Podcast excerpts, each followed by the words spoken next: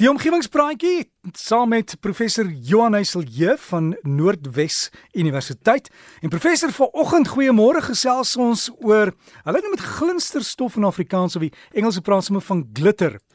Goeiemôre Derek, môre al die omgewingsvriende.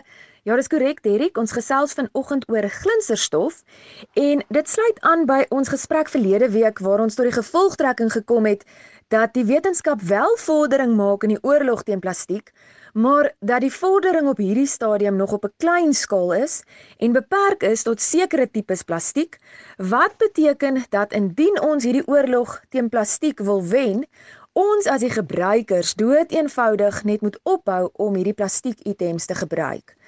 En glinsterstof is dan nou 'n goeie voorbeeld van so 'n tipe plastiek wat meeste van ons gebruik onwetend hoe skadelik dit vir ons omgewing is.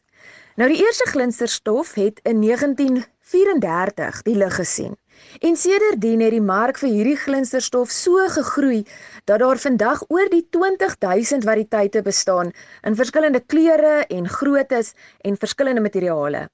Glinsterstof is ook deesdae glad nie meer beperk tot die kleuterskool of tot Kersfees versierings nie, maar kom in verskeie van ons dag tot dag items voor, van gremering tot seep, tot rome, nalak, juwele, kledingstukke en selfs ook daardie mooi glansversiering wat ons deesdae op koeke en kolwyntjies sien. Nou dit laat natuurlik al hierdie produkte baie mooi lyk, maar glinsterstof is inderwaarheid 'n mikroplastiek en is regtig baie nadelig vir ons omgewing. Volgens 'n verslag van die Nasionale Oseane Diens is mikroplastiek die grootste oorsaak van ons oseaanbesoedeling omdat die klein plastiekdeeltjies nie deur filtrasiestelsels gekeer kan word nie en dan in ons waterweë afgevoer word tot dit op die ou end in ons oseane beland. In 2014 was die beraming dat daar toe reeds hier om en by 50 triljoen mikroplastiekdeeltjies in die oseaan is wat natuurlik sedertdien net aanhou toeneem het en wat 'n baie ernstige impak het op sensitiewe ekosisteme. Nou in spesifiek as ons dan nou praat oor glansstof as 'n mikroplastiek, is daar veral baie vrae oor die samestelling van hierdie stof en die verbindings in hierdie stof omdat dit geken word om hormoonontwrigtende chemikalieë te lek. Dus kan dit baie nadelige ontwikkelings, voortplantings en neurologiese effekte beteken vir marine lewe. Om 'n voorbeeld te gee, 'n studie wat deur Kanadese navorsers uitgevoer is in 2016 het toe al bewys hoe mikroplastiek die reproduksie van oesters negatief kan beïnvloed. En die mikroplastiek in die see word dan deur die see diere ingeneem en kom dat uiteindelik weer ook terug na ons toe en ons kry dit in ons voedselketting. Dit is so Derrick, dit is 'n verdere domino effek wanneer hierdie mikroplastiek dan nou die voedselketting indring. 'n Studie wat deur die Universiteit van Gent in België uitgevoer is, het Hoeka bevind dat Europeërs wat skulpvis eet, soveel as 11000 mikroplastiekdeeltjies per jaar kan inneem. Maar wat ons ook moet onthou is dat mikroplastiek egter nie net beperk is tot seekosse nie, maar kom ook voor in die lug, in grondwater, eintlik al binne ons hele omgewing. En tot so 'n mate dat daar al verskeie studies is wat wys dat mikroplastiek nou voorkom in tafelsout, in bier en selfs ook in gebottelde water. So die Universiteit van New York het 250 bottels water van 11 verskillende handelsmerke getoets. Ook handelsmerke wat hier in Suid-Afrika verkoop word. En gevind dat 93% van hierdie bottels water mikroplastiekdeeltjies bevat. So gemiddeld was daar 325 plastiekdeeltjies per 1 liter bottel gevind. Maar nou om terug te kom tot glansstof, 2 jaar gelede het die FSA se Voedsel- en Dwelmadministrasie 'n waarskuwing uitgereik oor glansstof wat vir voedseldoeleindes gebruik word.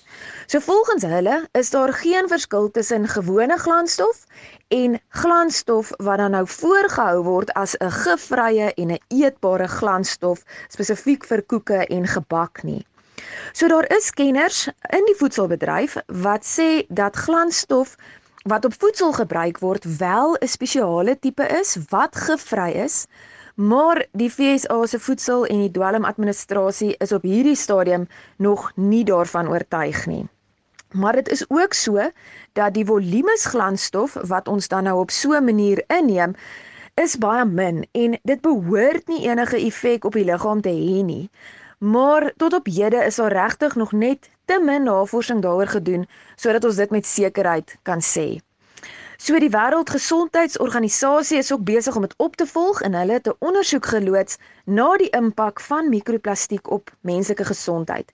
En dis natuurlik 'n baie komplekse ondersoek omdat hierdie plastiek nie noodwendig net uit suiwer polimere bestaan nie, maar baie kere ook tekens van kleurpigmente en UV-beskerming en verskillende besoedelstowwe bevat wat natuurlik verskeie gevolge kan hê wanneer dit dan nou ingeneem word en in die liggaam vrygestel word of dan nou in die bloedstroom opgeneem word. Goeie genade professor, so terwyl daar nog nie 100% sekerheid is oor die veilige gebruik van die mikroplastiek en die eetbare glansstof, of iemand vra hier dis glitter in Engels, die glitter nie, is dit dalk maar net die beste om dit te vermy. Verseker en dit sluit dan aan by my groen gedagte vandag Derrick dat daar eintlik geen glans in glansstof is nie, veral nie uit 'n omgewingsoogpunt uit nie. So hierdie is nog een van daardie geriefsitems wat deel van ons moderne lewe geword het, maar wat ons regtig eintlik nie nodig het nie en wat ons gerus kan probeer vermy en dan sodoende weer die werklike glans kan terugsit in ons omgewing. So gesels ons saam met professor Johan Heiselje van Noordwes Universiteit. As jy wil kontak maak, die e-pos is omgewingspraatjies die meervoud by gmail.com. Miskien het jy 'n bydrae, miskien het jy 'n vraag oor iets in die omgewing. Laat ons weet, jy kan ook op hulle Facebook bladsy Omgewingspraatjies gaan aansluit by die groep en daar die inligting plaas en dan kan ons daaroor gesels. So weet jy om die e-pos adres uh, is omgewingspraatjies by gmail.com. Kom ons hou die omgewing groen.